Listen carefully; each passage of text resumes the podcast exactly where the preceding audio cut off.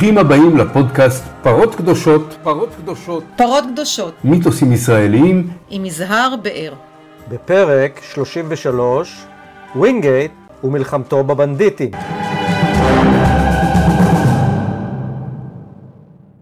פרק זה בא לציין 80 שנה להקמת פלגות הלילה המיוחדות, ובו ננסה בעזרת חוקרי התקופה ואנשי העמק לשרטט את דמותו יוצאת הדופן של מפקדן.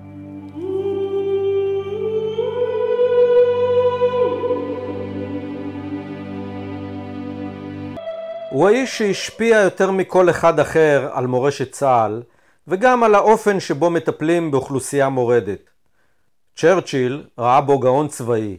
ביישוב היהודי אהבו והעריצו אותו, ואילו הערבים טענו כי היה מפקד כנופיות יהודו-בריטיות שביצע פשעי מלחמה באוכלוסייה אזרחית. הוא הגיע לארץ ישראל ב-1936, קצין מודיעין בריטי זוטר, בדרגת סרן, ובתוך זמן קצר דרך כוכבו ביישוב היהודי והותיר בו סימן עמוק. אפשר אולי לראות בו מין נמסיס, או תמונת מראה של לורנס איש ערב, קצין בריטי רומנטיקן שנמשך בחבלי קסם אל המזרח, אך בשונה מלורנס, הוא בוחר לסייע ליהודים, ולא לערבים. הוא הקים את פלגות הלילה, שהיו כוח קומנדו בריטי ויהודי מעורב, ללחימה במרד הערבי ולהגנה על צינור הנפט מעיראק לחיפה. חניכיו מהפלגות יהפכו לימים למפקדי הפלמ"ח וצה"ל. בתולדות היישוב הוא מונצח בכינויו הידיד, ושמו הפך נרדף לאגדה ולמיתוס. אצל מי שזוכר כמובן. לי הוא זכור מימי ילדותי מסיפוריו של אבי על הידיד המופלא שקם לנו, ועלילות מסעותיו הצבאיים ברחבי העמק, וחייו הסוערים שהסתיימו בתאונה אווירית, שהשמועות אמרו כי הבריטים בעצמם גרמו לה. ושכני, שוורצמן הזקן, שואל אותי עד היום בפליאה, איך אני לא מאמין שהבריטים הם שהפילו את המטוס של ווינגייט. בחייו הקצרים פיתח אורד ווינגייט שיטות של לוחמה זעירה, שאומצו לימים על ידי צבאות רבים בעולם. באמצעותן הוא נלחם בהצלחה במורדים הערבים בארץ ישראל בסוף שנות ה-30. בעזרתן הוא שחרר את חבש מהכיבוש האיטלקי, ומאוחר יותר הוא היה הקצין הבריטי היחיד שניצח איתן את היפנים בזירת המזרח הרחוק. צ'רצ'יל אמנם העריץ אותו, אבל רבים ממפקדיו בצבא הבריטי, להם בז, שנאו אותו, חששו מפניו וקינאו בו. כי ווינגייט לא הותיר אנשים אדישים. עד היום כבר נכתבו עליו יותר ספרים ומחקרים מאשר לגדולי המצביאים הבריטים בהיסטוריה של המאה ה-20. אבל גם משקלו בהיסטוריה השתנה עם הזמן, ודברי ההלל ולימוד מערכותיו בבתי הספר הצבאיים נמהלו בדברי ביקורת נוקבים ואף בכתיבה מחדש של ההיסטוריה. בצד גדולתו הצבאית בלטו מוזרויותיו, מנהגו לקבל את אורחיו בעירום, הרגליו לאכול בצלים שלמים וסלידתו מרחצה. הוא העדיף לנקות את עצמו במברשת סוסים. התנ"ך מבחינתו היה מדריך להתנהלות עכשווית. מניואל. גדעון השופט היה מודל חיקוי, ואילו שאול המלך זכה מפיו לגינוי מפאת מחדליו הצבאיים בעמק יזרעאל, שווינגייט למד היטב את לקחם. לאחד הקרבות שערך בעמק הורה להביא שופרות. לחשודים בהשתתפות במרד הערבי התייחס בקשיחות. הוא נהג להלקותם בשוטים ולהטביל את ראשם בבוץ ובנפט. היו מי שהאשימו אותו גם בהוצאה להורג של ערבים ללא משפט. אז מי היה באמת אורד ווינגייט? גאון צבאי ואסטרטג מכונן, שנועד להיות הרמטכ"ל הראשון של צה"ל, לולא נהרג בג'ונגלים של המזרח הרחוק? או אישיות תמהונית, אקסצנטרית, בעלת יצר התאבדות? ידיד אמת לציונות וליישוב היהודי, או קולוניאליסט בריטי בסגנון הישן? מפקד מהולל בסגנון תנכי, או מנהיג כנופיות רצח יהודיות, כפי שטענו הערבים? ואולי כל ההגדרות הללו יאות לו.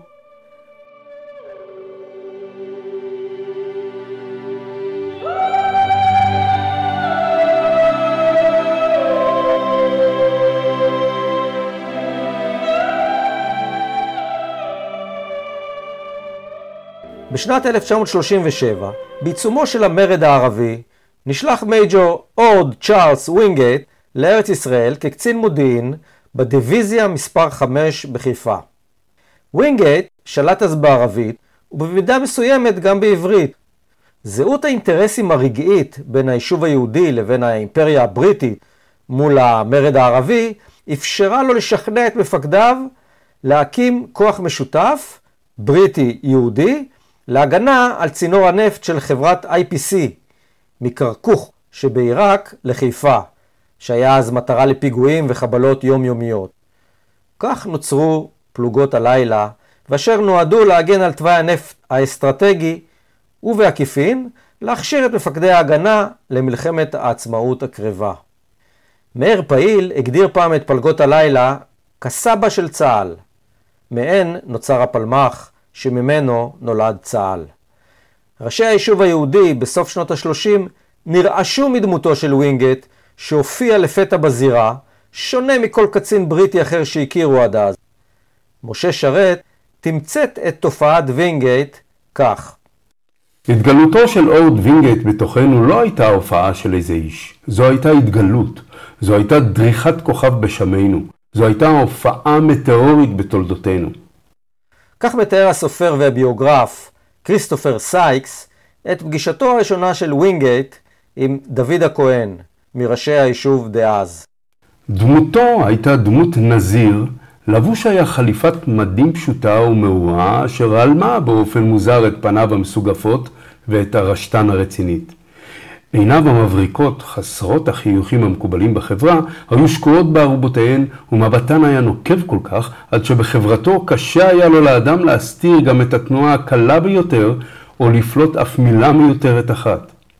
שיחתו, עם כל היותה שוטפת, הייתה מרוכזת ולעניין, כנה, למישרים וללא נימוסים שבשגרה. לשאלתו של דוד הכהן, אם פגש ביהודים מימיו, השיב וינגייט, פגשתי יהודים מעטים בחיי, אבל אהדתי נתונה לציונות. הכהן שאלו, מה קרא אודות הציונות? וינגייט השיב, בנושא זה קיים רק ספר חשוב אחד, והוא התנ"ך, ואני קראתיו במלואו. העניין הוא שמירה על קיומכם. אני חושב לי לזכות לתת את ידי איתכם במלחמתכם. למטרה זו רצוני להקדיש את חיי. בצאתו מפגישתו זו עם קצין המודיעין החדש, היה הכהן המום, ויחד עם זאת נפשו מרוממת. הוא נחפז לספר לידידיו כי אדם בלתי רגיל, ידיד אשר יילחם בלי חת למעננו, נמצא בקרבם. שלומי שטרית הוא מפקד יחידת המורשת של המשטרה. הוא בן 42, שירת בצנחנים ופיקד על גדוד חי"ר. והוא גם היסטוריון ומחבר הספר פלגות הלילה המיוחדות במרד הערבי. נכתבו על וינגייט יותר ממאה ספרים, ואין ספור מאמרים וכתבים ורשימות. קודם כל על וינגייט כתבו הרבה מאוד, זה נכון, הוא לדעתי קצין הצבא הבריטי מהמאה ה-20 שנכתבו עליו הכי הרבה ביוגרפיות. יותר ממונטגומרי? הרבה יותר ממונטגומרי. ברצינות? כן. בעצם וינגייט פיקד על אה, פלגות הלילה באופן ישיר פחות מחמישה חודשים. נכון. בעצם היחידה שכל גודלה היא משהו כמו 120 אה, לוחמים. בשיאה. כן. יכול להיות שאנחנו עוסקים במיתוס, שמדובר בכוח שולי, זניח בתקופת המרד הערבי, לפחות מבחינת גודלו. אז למה, למה הוא נכנס אה, להיסטוריה? למה כותבים עליו כל כך הרבה ומדברים עליו כל כך הרבה? קודם כל, מיתוס לא בהכרח לא נכון. אוקיי. ואין כאן שום ספק שמדובר במיתוס. והמיתוס הזה אחר כך מתעצם, כי ווינגייט מלחמת העולם השנייה נהיה אה, נביא תורת החדירה העמוקה והלוחמה הזעירה בעורף האויב, שעד היום יש על זה ויכוחים. אבל ספציפית לגבי פלגות הלילה, צריך לקרוא פלגות הלילה. אפילו פלגות, לא משנה, מדובר על, על פלס"ר, פלוגת סיור כן. חטיבתית, זה, זה, בזה מדובר, כלומר לא איזושהי יחידה גדולה. כן. אה, יותר מזה, אומרים על ווינגייט שהוא, מי שקצת מכיר, שהוא יצא מהגדר, mm-hmm. שזה חידוש גדול, לימד את היהודים שצריך לצאת מהגדר אה, כדי להילחם, כלומר לתקוף ולא רק להגן, ושהוא פעל בלילה. ושאלתי את עצמי, כאילו מה, הצבא הבריטי ששולט על רבע משטח כדור הארץ בתקופה הזאת, על חמישית מאוכלוסיית כדור הארץ, הוא צריך שיבוא איזה קפטן זוטר ויסביר שצריך לפעול גם בלילה, ושצריך אה, לצאת מהגדר ולתקוף אה, את המורדים בשלטון הבריטי, כלומר, מה, איפה פה החידוש? ומסתבר שיש חידוש. לא נעשים מעצמה כזאת גדולה, בלי לדעת איך להתמודד עם מרידות. והבריטים בעצם, 100 שנים שבין מלחמות נפוליאון, סיום מלחמות נפוליאון, כן. 1815, ובין מלחמת העולם הראשונה, פורצת ב-1914, הם נלחמים רק מלחמה אחת נגד צבא סדיר, וזה מלחמת קרים. כל אותן 99 שנים הם נלחמים באופן רצוף, אבל לא נגד צבא סדיר, מה שהם קוראים לו מלחמות קטנות, small wars. אה, מלחמות כיבוש, דיכויי מרידות, אה, היום היינו קוראים לזה עימות נמוך עצימות, או לוחמה אסימטרית, כלומר, מלחמתו של האדם הלבן, כן. באדם החום, צהוב, שחור כן. וכן הלאה. והם מאוד טובים בזה, מאוד, מאוד טובים בזה. כן. והם כיאה לצבא מסודר, שנקרא כן. גדולה ומסודרת, מפתחים תורת לחימה. כן. מאוד ברורה, שעולה על הכתב. כן. בסוף המאה ה-19. ויש עקרונות, איך אתה מדכא מרידה, כמו זו שפורצת כאן בארץ ישראל באפריל 1936. ומנתחים בצורה מאוד מאוד אה, נבונה את היתרונות ואת החסרונות של כל אחד מהצדדים, מצד אחד של הצבא הסדיר, מצד שני של המורד המקומי. אגב, הם לא מזלזלים, למרות שבספרות אה, רואים איך קוראים להם פראים, או לא מתורבתים, אין זלזול ביכולת של המקומיים, לא משנה איפה הם כלוחמים, להפך, הם אפילו מעריכים בהרבה מקרים הלוחם המקומי הוא טוב יותר מהחייל הבריטי, ברמה האישית. אבל משהו לא מובן לי. אתה אומר שמצד אחד במשך כל אה, שנות האימפריה, המלחמות הם, העיקריות הן נגד מורדים, או מלחמות בעצימות נמוכה. אז איזה חדשנות אה, הביא וינגייט? הרי הצבא הבריטי הוא מנוסה על נכון, פניו, נכון, בכגון זה. נכון. כשבודקים מה העקרונות שהבריטים, או איך הבריטים צריכים להתמודד עם, אה, עם מרד כזה, רואים שהם כאמור מנסים לנתח מה היתרון שלהם כצבא ומה היתרון של המורד. והם מגיעים למסקנה שלצבא יש יתרון גדול מאוד ברגע שמגיעים ללחימה. כלומר, ברגע שיחידה צבאית פגשה ביחידה של מורדים, גם אם היא גדולה מהיחידה הצבאית, הצבא ינצח, בגלל משמעת, בגלל כוח אש. בטח במאה ה-20 יש שריון, יש חיל אוויר, יש כן. מכשירי קשר. כלומר, ברגע שהגענו ללחימה, העניין סגור. אבל מה? האתגר הוא להגיע ללחימה. וכאן הם מעריכים שיש לאויב יתרון. הם אומרים שהאויב המקומי תמיד יהיה נייד יותר, כי הוא מכיר את השטח, כי הוא לא כבולי דרכים, כן. הוא לא נוסע במכוניות, ויהיה לו מודיעין טוב יותר.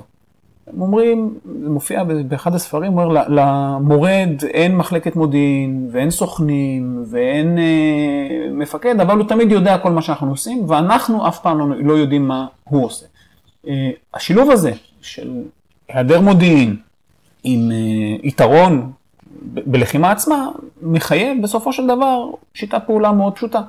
אם אני לא יודע איפה אויב נמצא, ואני רוצה להגיע אותו לקרב, מה שאני צריך לעשות, להביא הרבה מאוד כוחות, ופשוט לנוע, לשטוף. לשטוף. ואם אני לא מצליח לגרום לו אה, לתקוף אותי, אז אני אגרה אותו לזה. ויש את זה במדריכים צבאיים מהמאה ה-20, 1935, שכתוב, אם צריך, אז שורפים כפרים, אה, מחרימים עדרים, ועושים, שורפים שדות, כדי לגרום לאויב לצאת ולהילחם. זה, זה בפרקטיקות הבריטיות? הבריטיות, הכתובות. הכתובות, כן. כן. ככה אמורים לדכא מרידות. כן. כלומר, הרבה מאוד כוחות על שטח נתון, כדי להביא את האויב לקרב, וגם המטרה היא להרוג כמה שיותר מורדים. וזה גם מה שנעשה עד בואו של וינגייט? כן, המרד הערבי פורץ באפריל 36, יש מהומות דמים ביפו, תל אביב, ואחר כך השביתה אה, הכללית, ובעצם במשך אה, חמישה חודשים בערך מצב הביטחון בארץ מאוד מידרדר. אין אה, החלטה ברורה לדכא את המרד. כלומר, הנציב העליון כאן ווקופ, להפך, הוא מנסה להימנע ממה שהוא מגדיר כצעדי דיכוי, כי הוא רוצה לפייס את הערבים, לא, לא במובן uh, השלילי, אלא מתוך ראייה על כך שבריטניה צריכה להמשיך ולמשול עליהם, כן. ולכן רוצים להימנע מהפעלת כוח איפה שלא צריך. הדבר הזה נגמר uh, בתחילת ספטמבר, כאשר הממשלה הבריטית מחליטה לתגבר כאן את הכוח, כי כל אותה תקופה מתגברים פה לאט לאט את הכוחות, שולחים לכאן דיוויזיה נוספת, מגייסים חיילי מילואים, שזה דבר מאוד חריג באימפריה הבריטית בתקופה הזאת, וממנים את הגנרל דיל לפקד על אה, דיכוי המרד, והם יוצאים למבצע בתחילת אוקטובר, ותוך שבועיים נגמר המרד. פאוזי קאוקג'י אה, צועק הצילו, מלכי מדינות ערב פונים לממשלה הבריטית, מתווכים בהסכם שמביא להפסקת השביתה הכללית וליציאתו של קאוקג'י בליווי דרך אגב של כוח אה, משטרתי בריטי אפשר לומר, חיל הספר. כלומר הבריטים דיכאו פה את המרד מהר מאוד, עניין של שבועיים שלושה. כן. ב-38 הם לא יכולים לעשות את זה, וב-38 המרד פורץ שוב ספטמבר 37 בגלל המשבר באירופה. והמשבר במזרח הרחוק, והמשבר במזרח התיכון, צריך לזכור, יש לנו עכשיו את הסיפור של הסודטים, האנשלוס שקורה באמצע, ובמזרח הרחוק מתחילה אוטוטו מלחמת... אז מה קורה ב-38? הבריטים למעשה מאבדים שליטה... מאבדים שליטה. על, על הארץ, הם שולטים במחנות שלהם, הם שולטים ביישובים היהודים, אה, והם שולטים בכל מקום שבו הצבא שלהם נמצא באותו זמן. למה הם לא נוקטים אותה גישה כמו ב-36? אין להם כוחות. אחרי... באירופה. כן, כשהם מסיימים ב... את דיכוי המרד בנובמבר 36, מפנים מכאן את רוב הכוחות, משאירים פה, היום היינו קוראים לזה שני חטמ"רים, שתי חטיבות, בריגדות, כל אחת עם אה, שלושה גדודים, תחלק את כל שטח ארץ ישראל לשתי חטיבות, ברור ש... כן. שזה לא מספיק, צריך להגן על כל נקודה, אה, צריך למנוע חבלות בתשתית, אם זה צינור הנפט, אם זה קווי חשמל, צריך להגן על מסילות הברזל, שהערבים מחבלים בהם בלי סוף, והם פשוט נשחקים, אני קורא את הדוחות של יחידות הצבא מאותה, מאותה תקופה וממש מתארים עומס מאוד מאוד מאוד מאוד כבד של, של משימות. הם לא מסוגלים לרכז את הכוחות כדי לצאת לפעילות התקפית. כשהם כן יוצאים לאיזושהי פעילות התקפית, פה משחק לרעתם העניין של היעדר מודיעין. הם לא יודעים כן. איפה נמצא האויב שלהם. כן. וכשאתה מארגן איזה טור גדול שיוצא לחפש מורדים, ברור שעד שאתה תגיע לכפר הם כבר יודעים שאתה שם. ולכן הבריטים לא מסוגלים אה, להתמודד, המצב אפילו מחמיר. במאי 38, כשמפקד בריטי חדש, הגנרל רוברט היינינג, מחליט על אה, מהלך שנקרא כיבוש הכפרים, הוא בעצם מקים בהרבה מאוד כפרים ערבים שידועים כעוינים מוצבים צבאיים, על מנת למנוע פעילות של המורדים אה, בשטח הזה, אגב זו שיטה שעד היום הבריטים, ההולנדים, האמריקאים משתמשים בה באפגניסטן. אחרי שאם אתה שם מוצב מחלקתי בתוך יישוב עוין, מעצם היותו שם הפעילות תיפסק, לא יגיעו אנשי כנופיות בלילה לבקר במקום, לא יוכלו אה, לקבל סיוע, אה, וזה באמת עוזר, זה מאוד מרגיע את היישובים עצמם, אבל הכוחות האלה לא יכולים לבצע שום פעילות אחרת.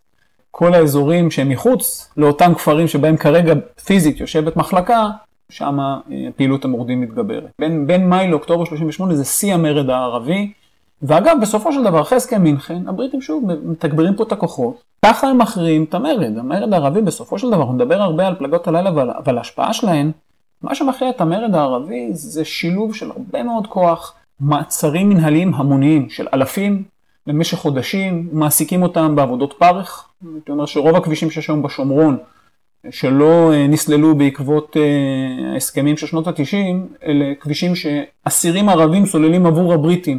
באותה תקופה, כי הבריטים... עבודות כפייה. כן, כי, כי הבריטים רוצים אה, לשפר את הניידות של הכוחות שלהם. באיזה היקף היו עבודות הכפייה של אסירים? אנחנו מדברים על אה, אלפי אסירים בכל זמן נתון. כלומר, יש לי מונגומרי שהיה מפקד הדיוויזיה השמינית בשלב 38 ותחילת 39. באחד הדוחות הוא אומר שיש לי משהו כמו, קוראים לזה cages, כלובים, הוא אומר אצלי יש עכשיו אלפיים איש שמוחזקים. זה מונטגומרי המונטי מהחזית כן. המערבית. כן. אה, היו גם אסירי כפייה, עובדי כפייה יהודים? בתקופה הזאת לא. אוקיי. ו... אז בנסיבות האלה בעצם אה, וינגייט מגיע לארץ, נכון, בלי שייעדו אותו ספציפית לתפקיד אה, של לחימה במרד או משהו כזה. לא, לא, וינגייט הוא סיפור מעניין. הוא היה בלתי נספר, הוא היה בסך הכל קפטן, סרן. כן, כן, וזה לא בדיוק בלתי נספר, תראה וינגייט יש לו, יש לו קריירה צבאית מעניינת. הוא בכלל קצין ארטילריה, קצין תותחנים בהכשרתו, בוגר האקדמיה המלכותית לתותחנות בוולוויץ'.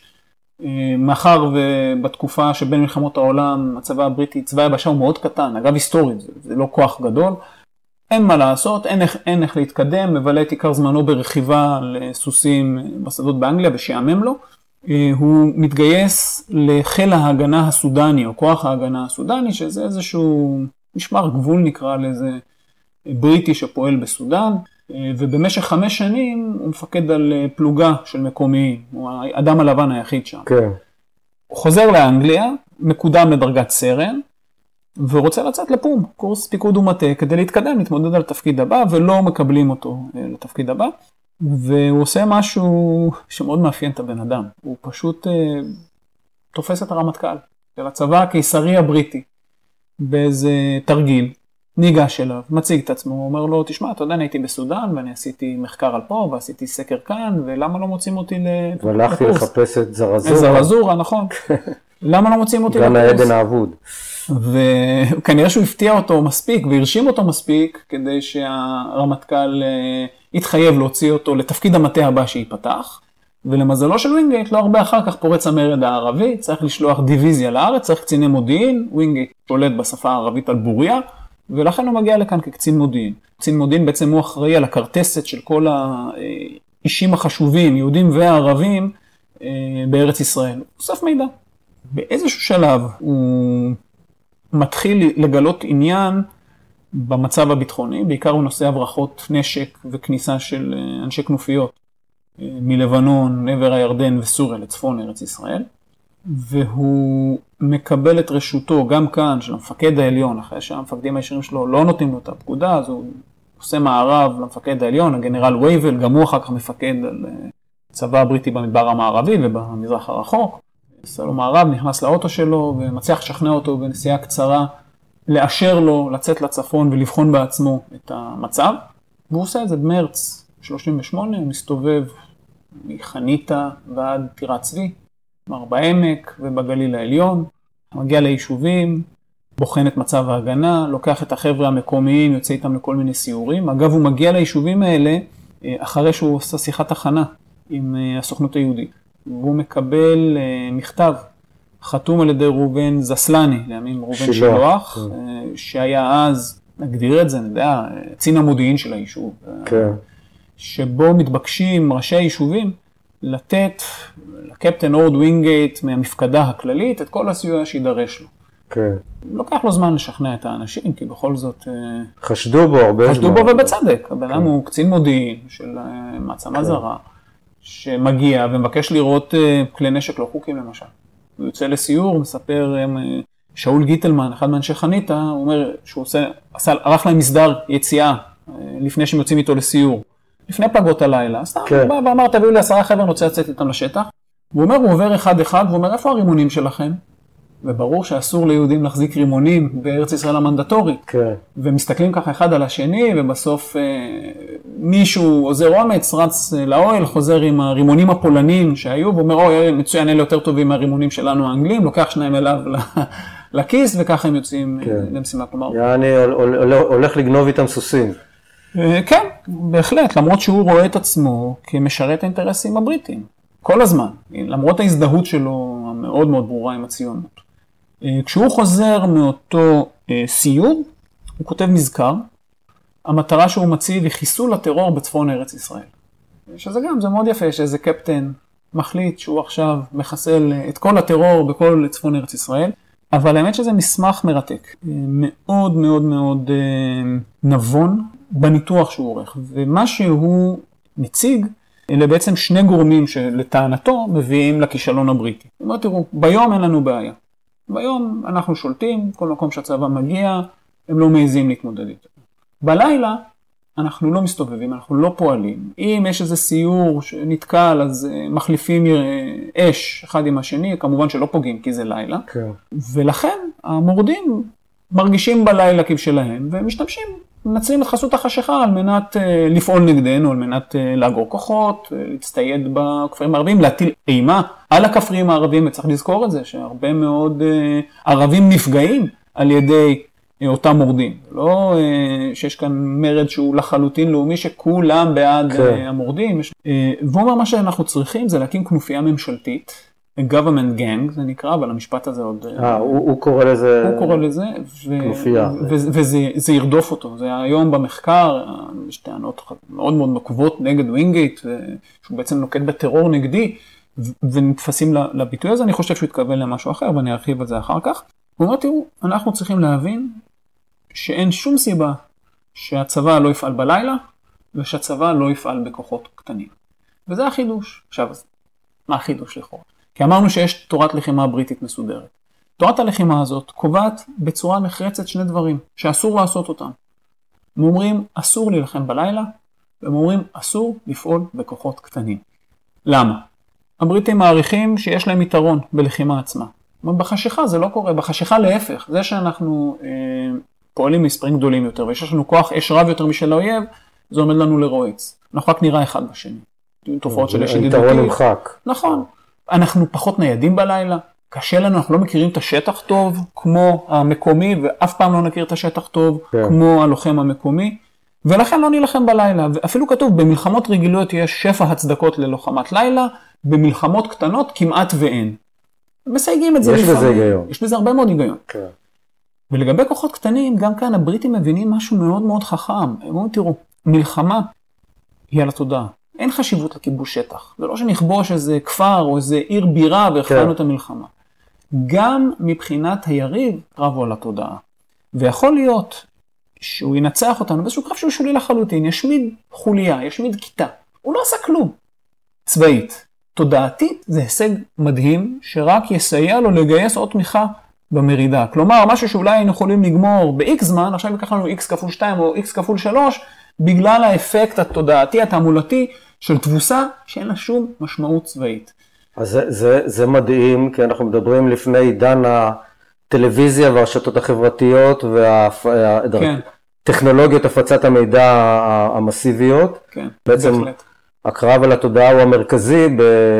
או לפחות חשוב לא פחות מהתוצאות בשדה הקרב. לא, לא, ברור להם שמי שנלחם נגדם, לא, לא, לא מצפה לנצח אותם בשדה המערכה. הם יודעים, כן. הם, ברור להם שהמורדים הערבים בארץ ישראל לא, בחלומות הכי הזויים שלהם, לא חושבים שהם ינצחו את הצבא. כמה הבריטי. תמונות ניצחון. בדיוק, תמונות ניצחון בצד שלך, וכמובן תגרום אבדות לצד השני ותגרום אצלו לעייפות מהמלחמה, כן. אין לנו ילדים למלחמות מיותרות, כן. מה אנחנו עושים שם וכן הלאה. אגב, זה עובד יפה מאוד ליישוב היהודי פה, בין 46 ל-48, נגד כן, אותם בריטים. כן, הפריצה לכלא עכו, נכון, נכון, דיוויד. ו- נכון. ולכן, בווינגייט במזכר הזה, אומר, חבר'ה זו טעות. לוקח לו הרבה זמן לשכנע את הממונים עליו לאמץ את ה... או לנסות את הגישה הזאת. אה, כנראה שלא, אם הוא מתחיל במרץ לעבוד על זה, אז כבר בסוף מאי אה, הוא מגיע לעין חרוד, או תחילת יוני, ובתחילת יוני הוא פועל. עכשיו גם כאן, יש איזשהו מיתוס אפשר לקרוא לזה סיפור, שווינגייט הוא הקצין, המרדן, החדשן, שנלחם נגד כל המערכת. יש בזה מידה מסוימת של אמת, הוא באמת חדשן, הוא באמת פורץ דרך. אבל אין צבא בעולם, בטח לא הצבא הבריטי, שבו סרן מקים יחידה צבאית יש מאין ועושה מה שהוא רוצה. והיו לו כמה וכמה תומכים מאוד גדולים בצבא הבריטי באותה תקופה. החשוב שבהם הוא מפקד הבריגדה, המח"ט, שיושב בחיפה, ג'ון פולרטון אבץ, שהוא דמות ששווה לכתוב עליו ביוגרפיה.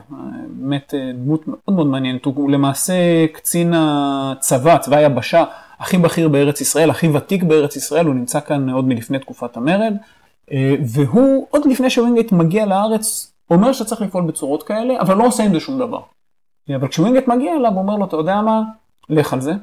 תומך בו המפקד שלו, קצין המודיעין הראשי של הצבא הבריטי בארץ. ותומך בו מפקד הצבא הבריטי בארץ ישראל, אותו רוברט היינינג. היינינג מגיע לארץ עם רקע מעניין. ערב הגעתו לארץ. אני מצאתי אה, בארכיון באנגליה תיעוד של שיחה שהוא ערך עם אה, בזיל לידלהארט. היה חוקר היסטוריה צבאית בריטי, אה, איש מאוד מסודר, הוא אז נחשב... איך הוא קשור ללידל הארט הפילוסוף הצבאי? זה, זה, זה הוא. הוא, אוקיי. ולידלהארט כותב שהוא פגש את היינינג, והיינינג אה, הביע הסכמה עם כך שהפתרון הטוב ביותר לבעיה בפלסטינה זה חימוש היהודים.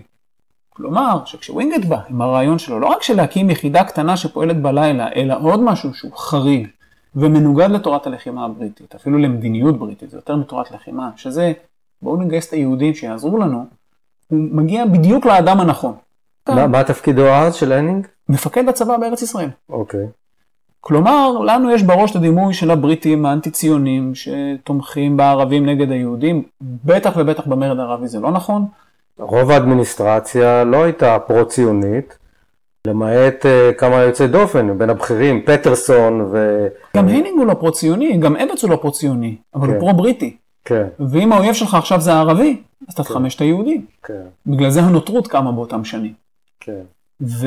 ווינגייט אומר, תראו, אנחנו צריכים לקחת אה, פלגות, squads, כן, היום הם קוראים לזה צוותים, כן, של חיילים אנגלים, לכל צוות כזה לצרף מספר כפול של חיילים יהודים, שהבריטים יאמנו את היהודים להילחם, והיה לו אמון רב מאוד בכושר הלחימה של היהודים, שזה דבר די מפתיע, כי כאמור אלה אנשים בלי שום ניסיון צבאי, בטח ובטח הדימוי של היהודי בעולם, בקרב הגויים, הוא לא של עם לוחמני. כן, בסדר, למה ווינגייט רוצה? ווינגייט נכנס לו ג'וק שהוא אה, ציוני והוא פעם יוביל את צבא כן. ציון לניצחון.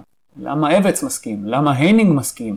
למה, מאחר ומדובר כאן בחריגה ממדיניות בריטית, כי הבריטים יודעים טוב מאוד מה עלול לקרות אם מפעילים בני עדה אחת נגד בני עדה אחרת בשטח שלטון שלהם, כן, זה מגיע לאישור של הנציב העליון, מקמייקל, ומקמייקל כותב על זה ספציפית לשר המושבות באנגליה. כלומר, ווינגייט פה אולי יוזם, אולי פועל, אבל אולי יש לו דוחף, קרקע תומכת. הוא מקבל תמיכה מהמיניסטריון. כן, זה מגיע לדרג הכי בכיר שאפשר להגיע אליו בבריטניה, כן. והם מאשרים את זה. כן, למה? כי יש בעיה, כי אין כוחות. אין כוחות, אי אפשר כן. להביא כוחות. אז מה אומר ווינגייט? תראו, לי. זה עולה לנו במרכאות 40 חיילים בריטים, אבל אנחנו מקבלים 120 לוחמים. בגלל שיש מצוקת כוח אדם, אז מסכימים. מעבר לזה, השילוב של חיילים יהודים מאפשר, ווינגייט כותב את זה בצורה ברורה, מאפשר להטיל את כל העלויות של היחידה החדשה על הסוכנות היהודית. כן, ומשה שרת מתלונן ביומנו על זה שכל צורה חדשה של השתתפות אה, בפעילות הצבאית הבריטית עולה לנו הון תועפות. כן.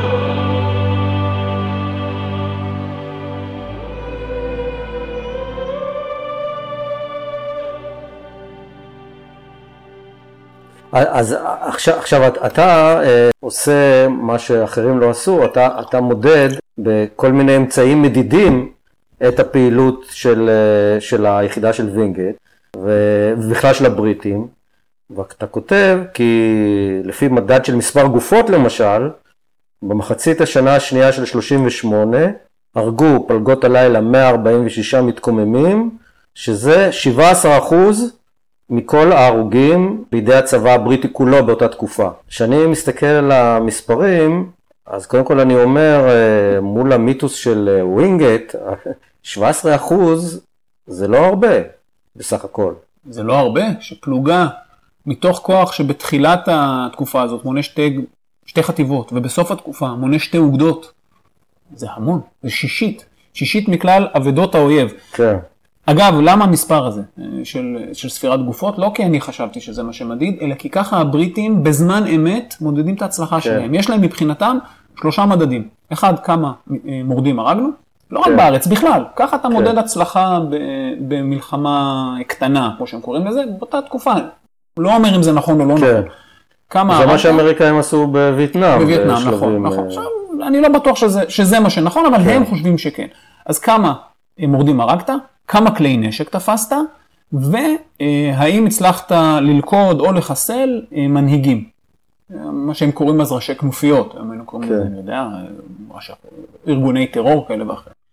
ופלגות הלילה, אה, בתקופה מאוד קצרה שהן פועלות, הן פועלות בערך חצי שנה במתכונת שווינגייט מייסד, ארבעה חודשים תחת פיקודו, ועוד חודשיים תחת פיקוד סגנו, ברדין, לשיעור דומה, 19% מכלל כלי הנשק שנתפסים, מה שגם מראה שהם כנראה, בניגוד למה שנכתב עליהם באחד הספרים על ידי איזשהו חוקר בריטי, הם לא כנופיות רצח ציוניות, זה המונח שבו, זה לא שנכנסים לכפרים מתחילים פשוט לראות, אלא להפך, הם פוגעים יותר באנשים ש... שנלחמים נגדם, והם מצליחים להרוג שלושה ראשי כנופיות ולהוציא מכלל פעולה, לגרום לו לברוח מהארץ של מנהיג רביעי. דבר שהוא לחלוטין חסר תקדים. אין, אין, אין, אין לזה, ש... לא רק חסר תקדים, גם אחר כך, אין לזה שום הקבלה, אף פעילות בריטית ב- במרד הערבי. אה, בדקת עוד מדד של אה, מספר הפגיעות בצינור הנפט. לפי המדד הזה רואים הצלחה מאוד ברורה. קודם כל, כן. מה, מה הסיפור של צינור הנפט? יש את הצינור שהבריטים אה, מניחים בארץ, התחילת שנות ה-30, מגיע מקירקוק ועד, מעיראק לחיפה. כן, לחיפה, אלף קילומטר. נכון, ועובר לאורך אה, תוואי נחל תבור ונחל קישון. בחלקו המזרחי בעיקר, הוא עובר באזור שמיושב ברובו על ידי ערבים, אין כמעט התיישבות יהודית קרובה לצינור. אה, ולמי שרוצה להראות עד כמה הוא מורד אה, מוצלח ועד כמה בריטניה לא שולטת בשום דבר, אין דבר קל יותר מלצאת בלילה, שאף אחד לא רואה אותך, לצאת מהכפר שלך, זה יכול להיות כאוכב אל-הווה, כוכב הירדן, או דנה, או בירה, אה, ללכת כמה מאות מטרים, לחפור קצת, הצינור הזה מונח בעומק לא רב, כן, לנקב את הצינור עם מקוש או באמצעות ירייה, כן. ולהצית. ובזה בעצם אתה עוצר את זרימת הנפט לצי הבריטי. כלומר, אתה עם אמצעים מאוד מאוד... ב- בעצם כל אה, ניקוב או הברה של אה, קטע צינור הביאה לעצירת הזרמת הנפט? נכון, כן, בוודאי, אתה חייב לעצור את הזרמת הנפט. היו עוצרים אה, אה, סוגרים. מגוף. נכון, נכון. H2, H3. נכון, כן, ואתה צריך לבוא ולתקן, וזה לוקח זמן, זה גורם שרפה מסביב. כן. המהדרין עושים את זה ליד שדה כדי גם לשרוף את השדה. ויש לזה, קודם כל יש לזה השפעה מאוד מאוד משמעותית אה, על הצי הבריטי, כלומר זה נשמע מצחיק, אבל הנה באמת איזה פלאח מקאוקב עם מקוש וסמרטוט וגפרור, עוצר את אספקת הנפט לכלי המלחמה הכי חזק שיש בעולם באותה עת. ודבר שני, דיברנו על תודעה, איזה אפקט זה עושה, רואים כן. את זה מכל מקום, בלילה זה עמוד אש גדול שנראה לי מרחוק, וביום זה עמוד עשן מאוד מאוד גדול. ואתה מפרסם את זה, שהנה הבריטים האלה, עם כל הצבא שלהם, עם כל חיל האוויר שלהם, הם חסרי אונים נגד המורדים אה, בארץ ישראל. וזה גורם גם נזק כלכלי, זה גם גורם נזק תודעתי מאוד מאוד חמור. כן. אה, ודווקא כשמסתכלים על הנתונים, אז רואים בהחלט את ההשפעה של הפלגות. בחודש הראשון של הפעילות שלהם, אה, יש באמת 21 אה, חבלות. אגב, צריך לזכור, לא כל, היחידה לא פועלת לכל אורכו של הצינור, פועלת בעיקר באזור שבין אה, עפולה אה, מזרחה, כן. עד לכאוכב אל-הווה. אה, כך שיש גם חבלות מחוץ לגזרה שלה. היחידה הולכת וגדלה, כשהיא קמה בהתחלה אלה 14 חיילים אנגלים ועוד 24 חבר'ה יהודים, אגב שנשכרים רשמית על ידי חברת הנפט העיראקית, הם מקבלים את המשכורת שלהם כדי להגן על צינור הנפט. כל היחידה בעצם ממומנת על אה, IPC? לא, לא, רק אלא? 24 איש שיושבים בעין חרוד בהתחלה. אוקיי. שהם חלק מהפלגה. כן, הם, אה, הם, הם, הם בעצם היהודים הראשונים שמגויסים ליחידה הזאת. אגב, זה, זה make sense, אה, חברה כלכלית מחזיקה בעצם את, אה, ומממנת את ההוצאות על האבטחה של ה... נכון. מה שבזמן, ב... רק לאחרונה היה ויכוח על מי מממן את אבטחת אסדות הגז פה ב... כן. בזה, אז אולי צריך ללמוד מ-IPC. יכול להיות, למרות שמצד שני, את צינור הנפט עד ארץ ישראל, הם, הם, הם מגינים עליו באמצעות אה, מתן שוחד לשבטים הבדואים שיושבים שם, שהם, שהם יגנו, אז יש כל כן, מיני אבל שיטות. IPC משלם. IPC, כן. כן, הקפיטליסט משלם. רווח לא חסר שם. כן, כן. ובהחלט רואים את ההשפעה, כלומר, השיא באותו יוני 21 זה יורד בצורה דרמטית אחר כך. אה, עד כדי כך אגב שהנציב העליון מתגאה ובמכתב שלו לשר המושבות מדווח שהחודש לא היו בכלל חבלות. זה לא מדויק, היו כמה, אבל זה דרמטי. כלומר, עד כדי כך ש... עד סוף פעילות הפלגות אה, הצליחו לאבטח את ציר הנפט, או. או כן, להפסיק כן. את הפגיעות? בסופו של דבר, אה, ההצלחה של היחידה הזאת עומדת לה לרועץ. כי ביולי 39, אחרי שווינגייט כבר מזמן לא בארץ, והמרד הערבי הולך אה, ונרגע, אה, חברת הנפט העיראקית אומרת, רגע, מה אנחנו משלמים פה? כן, הפסיקו את ה... והפסיקו הפסיקו את התשלום משכורות, ובזה בעצם אה, נסתם הגולל על היחידה. אתה רוצה להגיד שהפלגות אה, חדלו לפעול משיקולים תקציביים? או-. לא רק, לא רק. כן. קודם כל, הפעילות שלהם במשך חצי שנה, אה, תחת ווינגייט וסגנו, במתכונת שווינגייט קבע. ומה ווינגייט בעצם קבע? מה, מה, כן. מה הם עושים? אז ווינגייט מוציא את הכוחות לסיורים, היום אני קורא לזה פטרולים, סיורים ליליים, לאורך הצינור, בתוואים הקלטוניים, אחרי שמנתחים את הקרקע ומנסים להבין איפה סביר להניח שתקרה חבלה. ובין לא מעט מקרים מצליחים לפגוש במחבלים, מחבלים פיזית, לא במובן של טרוריסטים, אלא אנשים שמבצעים כן. חבלה. בזמן האירוע או ממש מעט אמת. לאחריו, דבר שגם אין לו מקבילה כן, אה, באותו, באותה תקופה. הולכים בלילות, גם בדרך כלל לא יוצא כוח לבד, יוצאים כמה צוותים, ששטחי הסיור שלהם חופפים או מחפים אחד על השני, כך שאם כוח אחד נתקל בחוליה, כוח הבא יתפוס אותה במקום שאליו היא נמלטת, כן. וכן הלאה. אז זו שיטת פעולה אחת, וזה, וזה מביא ללא מעט הצלחות. אבל התפיסה של ווינגייט היא אה, שמנצחים בהתקפה ולא בהגנה. הוא מתחיל לעשות מודיעין, בעיקר באמצעות שימוש בראשי היישובים היהודיים, חיים שטורמן בעין חרוד, גרשון ריטוב בטירת צבי ועוד, אה, שנעזרים בקשרים שלהם ביישובים הערביים שמסביב. הוא בעצמו גם אוסף מודיעין, אה, חלק ממודיעין, חלק משבויים שלוקחים, אה, והוא מצליח לבנות לעצמו תמונת מודיעין מאוד מאוד טובה מה קורה בעמק, עד כדי כך שהוא מצליח למשל לפשוט על מקום כינוס של כנופיה למרגלות הגלבוע, אה, ולתפוס אותם אה, בשעת אמת, כלומר לא איזשהו יישוב, איזושהי נקודה שקבעו שיפגשו שם כן. במקום מסוים בשעה מסוימת והוא מצליח להגיע אליהם ולפגוע בהם, גם דבר שכמעט ולא מוצאים במרד הערבי, והוא מצליח לקבל מידע על מקומות שבהם אה, הכנופיות נחות, יישובים שבהם נחות, ואז לפשוט עליהם, הוא עורך פשיטות על יישובים. וזה בעצם הדבר, כן. השיא של ההצלחות שלו. בוא, בוא נדבר על הכישלונות של וינגייט. אתה כותב שווינגייט סלד ממארבים נייחים, בין השאר מפני שבאחד המערבים הראשונים, שהיו לו 60 לוחמים, אה, כולם נרדמו, והמתקוממים עברו לידו ללא פגע. אה, כן, הם אה, פעלו תקופה קצרה לאורך גדר הצפון, שנסללה אז, כן. כן, יוני 38, ופרסום מספר על זה אחד הקצינים שלו בזיכרונותיו, קצין אנגלי, בשם קינג קלארק, נפרסו במערבים, וקרה מה שקורה לא פעם ולא פעמיים לקוחות שעבדו כל היום ועכשיו אה, נשכבו במערב ובאמת אה, נרדמו אה, כולם. היה לו כישלון הרבה יותר חמור בדבוריה. כן, ירי דו צדדי מה שנקרא. כן, כן, פעילות בעקבות פשיטה של מורדים על נצרת, על משרדי הממשל שם. משום מה ווינגייט החליט שמי שביצע את זה זה השייח' נייף הזועבי מכפר דבוריה. אני לא יודע לומר למה הוא חשב את זה, לא הצלחתי למצוא לזה התייחסות. ויוצאים למבצע על דבוריה. הדוח שווינגייט מחבר לאחר מעשה, אני אגיד את זה מאוד מאוד בעדינות, מנסה להצדיק כל מיני תקלות שהיו שם. ש, שם בעצם היו שתי האבדות היחידות שהיו לפלגות בכל תקופת הפעילות שלו. נכון, נכון. יהודי אחד ובריטי נכון, אחד. נכון, נותר יהודי וחייל אנגלי. אה, אחת, אחת הפלגות נכנסת לכפר כנראה בלי שהיא תכננה, נתקלת באש. אה, שאר הפלגות רצות מהר מאוד כדי להיכנס אה, ולחלץ אותה.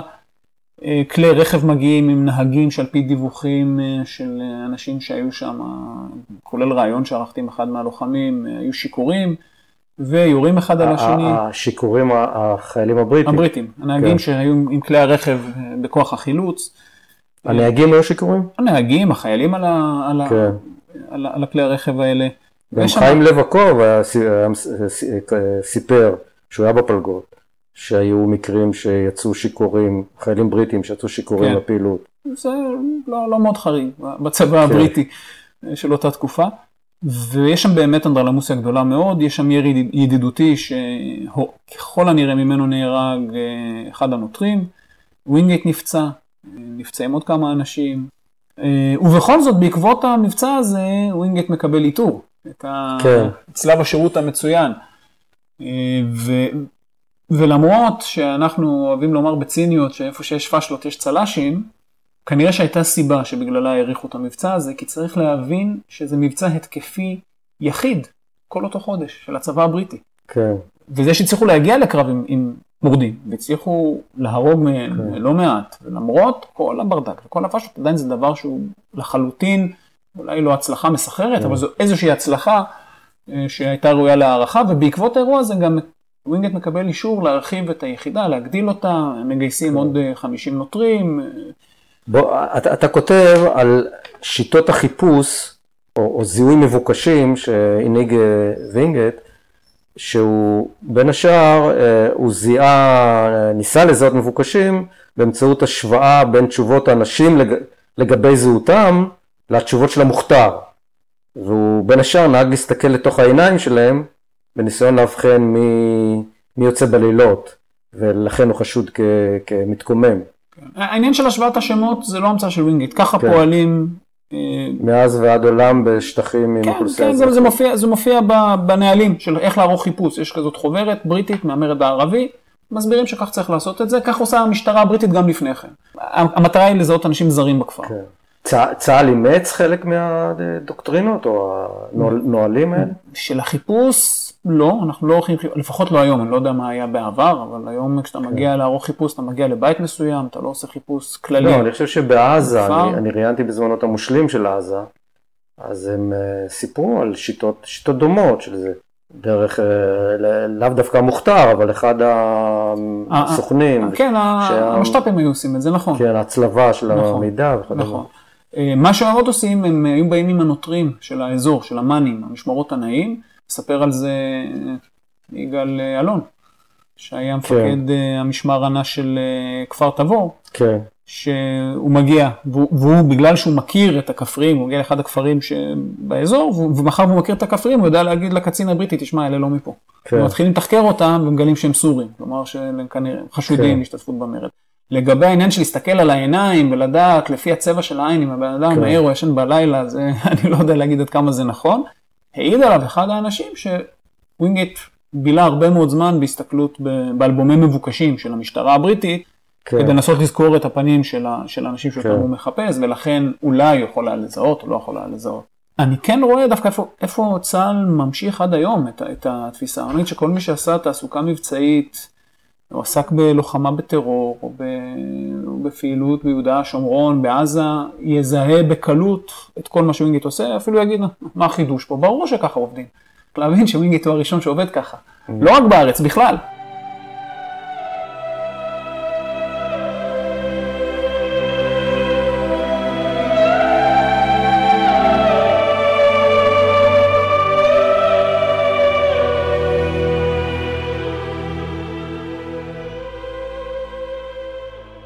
עדויות מהתקופה מלמדות כי באישיותו של ווינגייט נמזגה תחושת ייעוד מוסרית יחד עם פרקטיקה של התנהגות ברוטלית כלפי האוכלוסייה הערבית.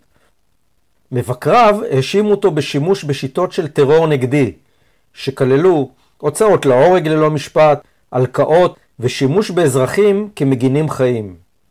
פרקטיקה אחת הייתה לטבול את ראשיהם של החשודים בחבלה בצינור הדלק בבוץ ובנפט. אייל בצר, איש נהלל, המכהן כיום כראש המועצה האזורית עמק יזרעאל, זוכר היטב את עדותו של אביו, נחמן בצר, ששירת בפלגות הלילה עם ווינגייט. מה שנחמן סיפר לי על וינגייט, אה, הקרב בדנה, אז הם תפסו שם כמה שבויים, ורצו אה, לכסח אותם. אז הוא אמר להם, לא, אומר, לכם אסור, לנו מותר. זאת אומרת, לכם היהודים, הלוחמים היהודים. לכם אסור לפגוע בהם, כן, כי אתם אה, צריכים לחיות איתם. אנחנו לא נהיה פה לנצח, ולנו מותר לחסל אותם או לפגוע בהם. עכשיו משהו, לא יודע אם הרגו אותם או לא- משהו לקח אותם, היה לוקח אותם, טובל אותם בנפט, לקח אותם, טובל אותם בנפט, את השבויים, כן. ולהראות להם, מכיר אותם, זה משפט חשוב. לכם, אתם צריכים לנהוג איתם תנו. לנו לטפל תנו בהם. לנו לטפל בהם. כן, זה טוענים ששרת, לא- אה, לימד אותו. שרת אמר לו, אנחנו נצטרך לחיות איתם.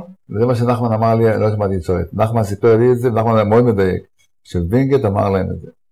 נחזור לשלומי שטרית. בואו נדבר על אה, פעולות הענישה והתגמול שווינגייט יזם, שהם כללו עונשים אה, קולקטיביים, כמו לחייב כפריים להכין ארו- ארוחת שינה לחיילי הפלגות, החרמת אה, חיות משק, הלקאות פומביות, ש... האם זה נכון? ה- מידת, מידת הברוטליות שהוא הנהיג, או שהוא בעצם אה, אה, נקט בפרקטיקה בריטית רג... מוכרת ו- אז- ורגילה. אז, אז אם יש איזשהו מיתוס ש, שנפוץ בשנים האחרונות במחקר הפוסט-מודרני, לגבי ווינגייט זה העניין הזה של הברוטליות. ווינגייט היה אה, חולה נפש, היה פסיכופת, הוא התעלל באנשים, אה, והוא פעל בצורה מאוד מאוד ברוטלית, כולל האשמות והוצאות להורג אה, של אנשים, כאמור, לא סתם כונו פלגות הלילה כנופיות רצח יהודיות. האמת היא לא פשוטה. ווינגייט בהחלט נקט בפעולות עונשין, חלקן היום כאלה שנראות לנו נוראיות ואיומות, אבל אף אחת מהן לא חריגה לזמנה, אני לא, לא מגן על זה חלילה, אבל כן. כן. ואם קצין בפיקודי היה נוקט כך, כנראה שאני אישית הייתי שולח אותו לכלא לפחות, אבל זה לא משהו שהוא חריג. אה, אני אתחיל בטענה הראשונה, הסיפור של הכנת ארוחות, זה נוהג מקובל לחלוטין בצבא הבריטי. כשאתה נכנס לכפר לערוך חיפוש, עצם העובדה שהגעת לחפש זה עונש. זה לא משנה מה תמצא או מה לא תמצא. וכשאתה נכנס לבית ואתה עורך את החיפוש בבית, אתה יוצא כשמהבית לא נשאר שום דבר שלם. הקירות יכולים לעמוד, כל מה שבפנים נהרס, יש לזה המון עדויות של ערבים באותה תקופה, באים ובכוונת מכוון משחיתים כל דבר שיש בבית. זה הייתה הוראה שהם כן, קיבלו? כן, כן, זו, ככה עושים. זאת אומרת, החיפוש הוא גם ענישה. בהחלט. דווקא כאן, ווינגייט לא אה, נוקט בשיטות האלה, כי ווינגייט לא עורך אה, חיפוש שיטתי, הוא לא מנסה לסרוק את כל הכפר, לעבור בית בית, הוא גם לא מגיע מספיק אנשים כדי לעשות את זה, הוא עושה חיפושים מדגמיים, ולכן החיפוש של פלגות הלילה המיוחדות בכפר הוא פחות אה, מזיק מחיפוש אה, רגיל במרכאות. הסיפור הזה של לחייב את הכפריים לארח את החיילים הבריטים זה דבר מקובל, כי זה עונש, זה עולה להם בתרנגולות שלהם בעיקר, בביצים, לפעמים בכמה כבשים. אבל מה, הם היו עושים ארוחות במהלך הפשיטה? במהלך הפשיטה? מגיעים לתוך הכפר. ומחייבים אותם להכין ארוחה? כן, לפעמים מגדירים את זה כקנס, הרי הבריטים הטילו קנסות קיבוציים על כפרים כן. ערביים. לפעמים ממש אומרים, אוקיי, אין לכם את הכסף, אין לכם את המאה לירות שאנחנו דורשים, אז הנה, כל תרנגולת שווה לירה, אז תביאו לי מאה. וזה הכל החלטה של המפקד במקום, המפקד המקומי. כן. עכשיו, לגבי העניין הזה, העדויות על כך שדברים כאלה קורים בפלגות הלילה, מתחילות רק בנובמבר. כלומר, כשווינגייט לא בארץ, וכאשר הפלגות כבר לא פועלות עצמאית, אלא תחת... שבריידן מחליף אותו? אה, כן, אבל, אבל זה גם לא בריידן, כלומר, הן פועלות כחלק ממבצעים רחבים יותר של הבריגדה, יחד עם כוחות נוספים. כלומר, כנראה פה זה לא יוזמה שלהם, אלא משהו שהם... זאת אומרת, זה אה, בעיקר, התופעות שמדברים עליהן קרו בעיקר לאחר תקופת הפעולה המסיבית של ה... כן. עוד דבר שהם עושים בתקופה הזאת שהם לא עושים תחת פיקודו כן. של ווינגייט, זה לישון בכפרים ערביים. נכנסים לכפר ושוהים בו יומיים. זה דבר שאצל ווינגייט אף פעם לא קורה. אה, לגבי אה, הלקאות, יש שני מקרים מתועדים שבהם ווינגייט מורה להלקות כפריים. הראשון זה בשישי בספטמבר בכפר קאוקב. זה כנראה כחלק מהטעיה לקראת אה, פעולה שהוא עורך במקום אחר, בחירבת ליד אל עוודין, בצד השני של העמק, ושבו הוא מחלק שוטים, מכנס את הגברים ומלקה אותם בגלל שיש הצתות אה, בצינור. 11 יום אחר כך, אחרי שחיים שטורמן נרצח ליד... אה, עולה על המוקש. כן, ליד מעוז, מעוז חיים של היום, אז ווינגייט גם אה, מלקה את אה, הבדואים שהוא מוצא שם באזור.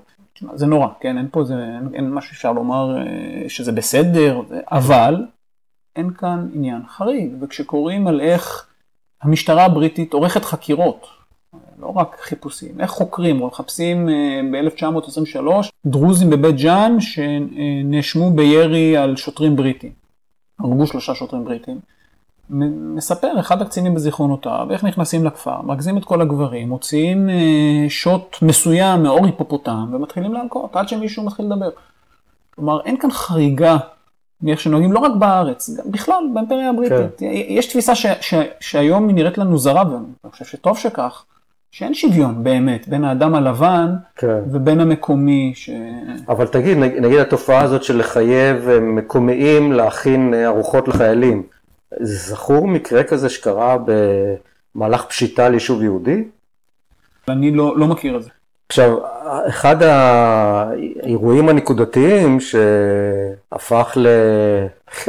למיתוס מקובל, הפעולה בכפר חיטין, שנעשתה כפעולת אה, עונשין לאחר טבח שביצעו ערבים בטבריה, טבח של יהודים, ועל פי הנטען, וינגייט כינס את הגברים בכפר, העמיד אותם בשורה וירה בכל אדם עשירי. כן, אז... אה, מה, מה, מה, מה מאחורי הסיפור הזה שמופיע במ- במ- במקומות הוא שונים? מופיע בהרבה מאוד מקומות, האירוע הזה התרחש ב-19 באוקטובר 1938. אה, אם ווינגייט אה, היה מעורב בו, אז הוא כנראה אחד האנשים הכי מוכשרים בעולם, כי ב-12 באוקטובר הוא ממריא ללונדון. אה, הוא טס לשם על מנת להיפגש עם בן גוריון וחיים ויצמן ולסייע להם להיאבק לפי בקשתו של ויצמן, כנראה, כן, להיאבק נגד המסקנות ה... ועדת וודהד. של ועדת וודהד בדיוק, מה שמוביל בסופו של דבר להדחתו כן. מפלגות הלילה. כך שזה לא ווינגייט. הסיפור שמתועד על ידי שניים מהמשתתפים שבו, אה, שזה גם אה, חיים קלבקוב וגם אה, יגאל פייקוביץ', יגאל אלון, הוא אחר. כלומר, בכפר חיטין קורה סיפור אחר. מגיעים לכפר חיטין, עושים שם חיפוש, ויגאל אלון אומר, מצאנו שלושה אנשים מתחבאים שהיו זרים לכפר, עשינו חקירה מהירה ואמרנו למפקד, שאותו קצין אירי בשם ברידן, אלה השתתפו בליל טבריה. והוא אומר, ברידן לוקח, לקח אותם הצידה, אמר, אני מוצא אתכם אשמים על פי אה, צו המלך, והוציא אותם להורג. והקפיד שחיילים אה, בריטים יראו בהם. מאיפה מתגלגל העניין הזה? זה מאוד מעניין, כי באמת יש את הסיפור גם עם המלכות, שווינגיט מקפיד שיעשו את זה רק הבריטים, כי אנחנו נלך, וזה, זה מתחיל כנראה בשיחה של משה שרת עם ווינגיט, עוד לפני שהוא בכלל מתחיל לפעול, שהוא אומר לו, תשמע, והוא אומר לו, שרת אומר, תקשיב, אתם באים, אתם מתנהגים כמו שצבא האנגלי מתנהג, אנחנו יודעים מה אתם תעשו בכפרים כן. האלה, אבל אתם תלכו ותשאירו אותנו עם הדם הרע שנוצר כן. עם היישובים הערביים, למה אנחנו צריכים את זה? כן. אז שם ברידן מוציא להורג שלושה אנשים שהוא מאמין שהם אנשי כנופיות. ארבעה ימים אחר כך, ב-23 באוקטובר, בכפר מצר, מגיע בריטן והוא מחליט שהוא רוצה כמות מסוימת של רובים, דורש מהמוכתר לתת לו אותם, המוכתר טוען שאין את הכמות הזאת, וחיים כלבקוב שמשמש כמתורגמן, מנסה לשכנע אותו לשתף פעולה. עכשיו לברידן היה איזשהו עיוות מולד שגרם לפנים שלו להיראות אה, מחייכות כל הזמן, קראו לו האדם הצוחק, כן. החיילים שלו, ומספר אה, לבקוב בזיכרונותיו שהמוכתר אומר לו עזוב הוא צוחק איתנו, הוא אומר שהוא לא הצליח לשכנע אותו ובעקבות אה, חוסר היכולת של הערבים לספק את מספר הרובים הנדרש, עבר ברידן ספר אחד מכל חמישה עשר, לקח שלושה ערבים והוציא אותם להורג. אגב, הם יש בארכיון הבריטי את התלונה של הכפריים, שמתארים את זה אחד לאחד, כמו שאתם כאן את שני הצדדים שמספרים את הסיפור. וזה הסיפור, כלומר ווינגייט הוא לא חלק מזה. עכשיו גם כאן צריך להבין, ולא חלילה מתוך, לא הקלת ראש באירוע הזה, זה כן. עכשיו פשע מלחמה. אגב ברידן הסתבך סביב הסיפור הזה. וכנראה שהייתה חקירה בעניינו, ובסופו של דבר דרגים בכירים יותר חיפו עליו. Mm-hmm. אם אני צריך להצביע על הגורם לסיפור הזה, למה עושה היחידה הזאת את שני האירועים האלה, למה זה לא קורה ביחידות אחרות של פלגות הלילה? אני הייתי uh, תולה את הסיבה בשייכות היחידתית של החיילים האנגלים. כל אחת מהפלגות הבריטיות הגיעה מגדוד חיל רגלים אחר. היחידה הזאת הגיעה ספציפית uh, מגדוד אירי, צפון אירי, רויאל אלסטר רייפלס. לאירים היסטורית יש uh, ידועים לשמצה כאנשים uh, נוקשים וטובים בדיכוי מהומות ומרידות. אנחנו מדברים על, על צפון אירין. צפון אירין, בהחלט. כן. לדוגמה, מי שמקים את הז'נדרמריה בארץ ישראל, אלה האירלנדים, קוראים להם כך, אלה אנשי אה, חיל העזר למשטרה האירית המלכותית, שאחרי שהם מדכאים את המלחמים, הם לא מדכאים כי המלחמה מסתיימת בתבוסה לבריטים, אחרי שהם נלחמים נגד המורדים באירלנד, מלחמה שמסתיימת ב-1922, הם חייבים לעזוב את אירלנד. כי אם הם יישארו שם, הם לא יישארו בגלל השיטות שבהם הם, הם נוקטים, ומגיעים לפה לארץ ישראל ומקימים את משטרת המנדט. אז רק כדי להבין מאיפה ברידן הזה מגיע, באירוע אחר. ברידן היה ממוצא צפון אירי. כן, כן, צפון אירי. זה עוד הוכחה שמיעוט הוא תמיד יותר פטריוט מה, מהרוב. במיוחד שהוא תלוי ברוב. כן. אה, אותו גדוד, כמה שבועות מאוחר יותר, סיור שלו עולה על מטען בכפר באסה, שלומי של היום. נהרגים קצין ושלושה חיילים. למחרת מגיע הגדוד לכפר הזה יחד עם uh, כמה שריוניות. בתור התחלה הם נוסעים בתוך הכפר ומרססים את הבתים עם המקלעים. אחר כך הם מוציאים את אנשי הכפר, מרכזים כמה עשרות גברים, מעלים אותם על אוטובוס ומעלים את האוטובוס על מוקש באותו מקום שבו הרכב אה, יום לפני כן עלה על מוקש. מה אתה אומר? אוטובוס מלא אזרחים? אוטובוס מלא אזרחים, הורגים אם אני לא טועה עשרה, עשרה ערבים. כלומר, ברידן לא היה צריך את ווינגייט כדי ללמוד איך להתנהג בברוטליות. Mm-hmm. ואני חושב שזה לא מקרי שכל הסיפורים על ההתנהגות הברוטלית של פלגות הלילה קשורה ביחידה הזאת כן. דווקא, ולא ביחידות אחרות. כן. זו השערה, אין לי דרך. אבל איך, זה אה, נקשר בעצם בווינגייט על ידי היסטוריונים ועל ידי... למשל איזשהו קרב שכתוב שהרגו שם 60 אנשי כנופיות, הרגו שישה, כן, מישהו התבלבל באפס. כן. אה, אז זה קורה לפעמים.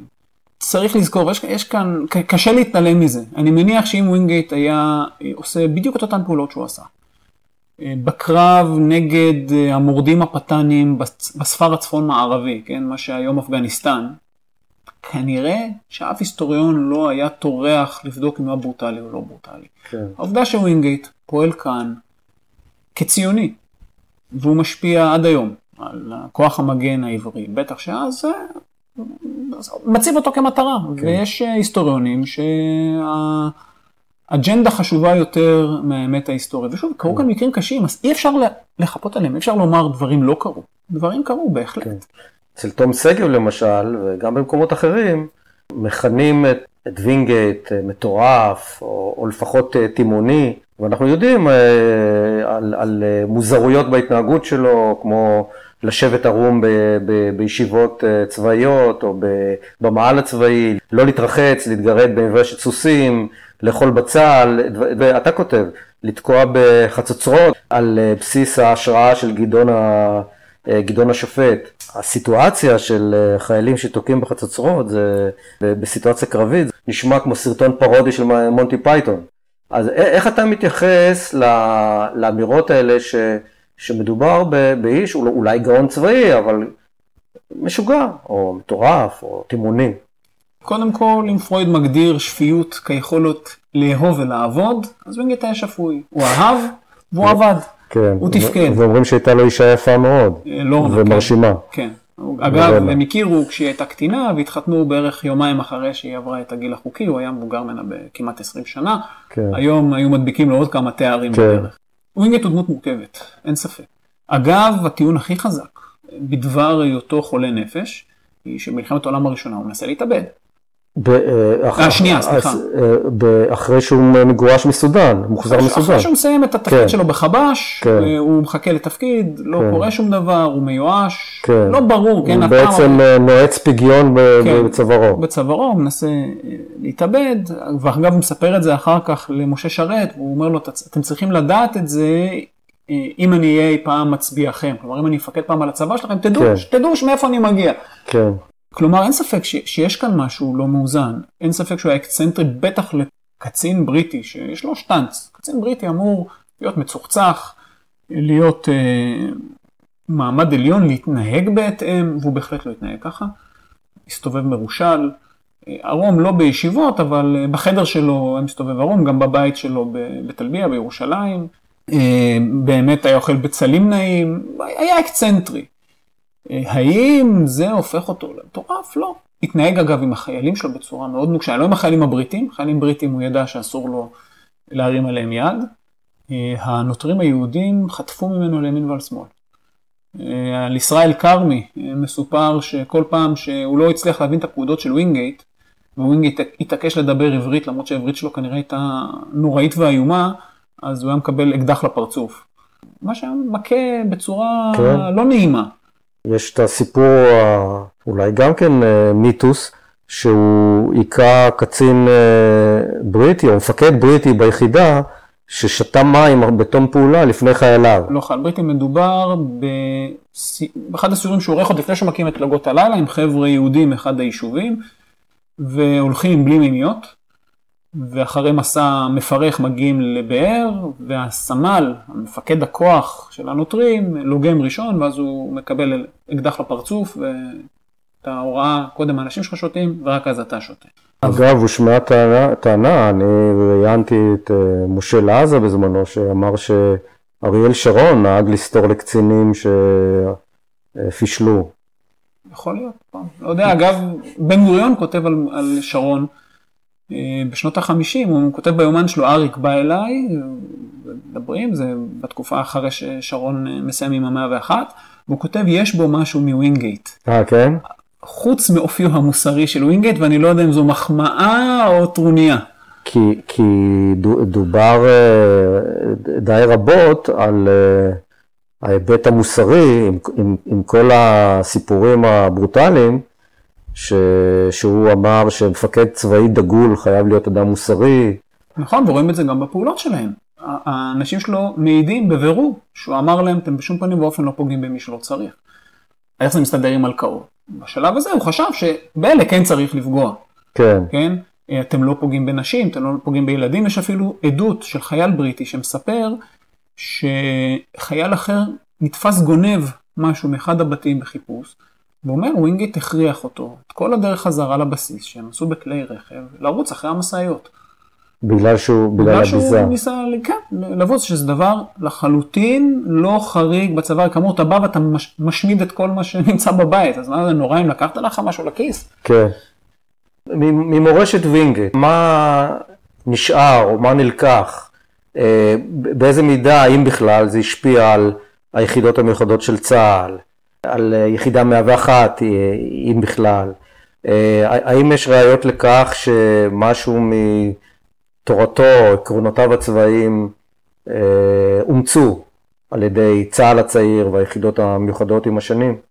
קודם כל, חד משמעית, בוודאי. אגב, יצחק שדה גם אומר, הוא כותב את זה, הוא אומר, תראו, ווינגייט לא לימד אותנו דברים שלא ידענו, אבל הוא עשה את זה בצורה מסודרת. הוא קצין צבא, הוא לא פרטיזן. כן. צה"ל נבנה על בסיס הצבא הבריטי, יש בו פלוגות סיור מתש"ח. מאיפה זה בא? זה לא בא מהצבא הבריטי. זה מגיע מפלגות הלילה המיוחדות, יותר הכי פשוט, פלגות הלילה המיוחדות, ראשי התיבות, פל"מ. איך קוראים לכוח שמקימים בהגנה ב-40-41, שנועד להיות כוח המחץ, mm-hmm. פלמ"ח. וההשפעה של ווינגייט, שמה שהוא מפתח אה, כאן בגליל, היא כל כך עמוקה שאנחנו אנחנו לא מודעים לזה. זה דבר שאנחנו מקבלים אותו כמובן מאליו. כאשר היום כל גדוד מילואים שעושה תעסוקה מבצעית ביהודה ושומרון, יוצא למעצר של חשוד בטרור, הוא פועל לפי שיטות של ווינגייט. צריך להבין, לא עבדו ככה עד ליוני 38 פה בעמק יזרעאל. כן. הסתערבות, פעילות מסוערבת לא מודיעינית, אלא התקפית ראשונה שאני מכיר בארץ ישראל של פלגות הלילה המיוחדות. כן. היה לו סיכוי, כפי שהוא רמז או אמר, או דיבר על משאלה שבעתיד הוא יעמוד בראש הצבא היהודי. ואם הוא לא היה נהרג באותה תאונת מטוס, היה, היה אתה חושב סיכוי שהוא יגיע לפה ויעמוד, אה, יפקד על הצבא, או יהיה אחד ממפקדי הצבא? אין לי ספק שהוא היה מגיע. נתחיל בזה. חד משמעית. אני מאמין גם שהוא היה מתמנה באמת לפקד על צה"ל או ליועץ בכיר לרמטכ"ל או משהו כזה, ומהיכרותי את האופי של ווינגייט ואת האופי של בן גוריון, כנראה מהר מאוד הם היו מסתכסכים ובן גוריון היה מעיף אותו. תגיד, אתה מופיע בפני קהלים שונים, באיזה מידה אתה מוצא אצל הישראלי הממוצע או אצל הדור הצעיר ידיעה מה זה פלוגות הלילה, מה זה מי היה וינגייט, מעבר לזה שיש מכון בנתניה שעוסק בספורט וקראו על שמו. אה, די מעט, אבל אה, זה לא מאוד חריג, לא רק היום, תמיד. מה שלא נמצא בחומר הלימוד, כנראה שאנשים לא נחשפים אליו. זה לא נמצא בחומר הלימוד? לא, כמעט ולא, כהערת שוליים אה, די מינורית. ולכן זה לא מפתיע אותי שאנשים פחות מכירים. אתה צריך להיות חנון שאוהב היסטוריה כמוני, כדי שזה בכלל יעניין אותך מלכתחילה.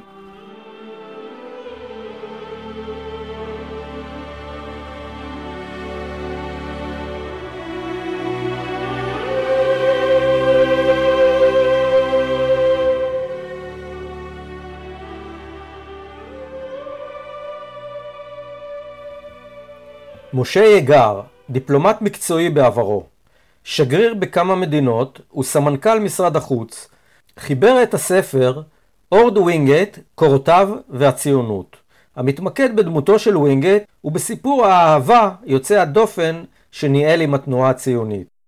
שאלתי אותו בשיחת טלפון, אם נרד לרחוב בלונדון או בתל אביב, היכן יהיה סיכוי למצוא יותר אנשים שמכירים מי הוא בכלל הווינגייט הזה?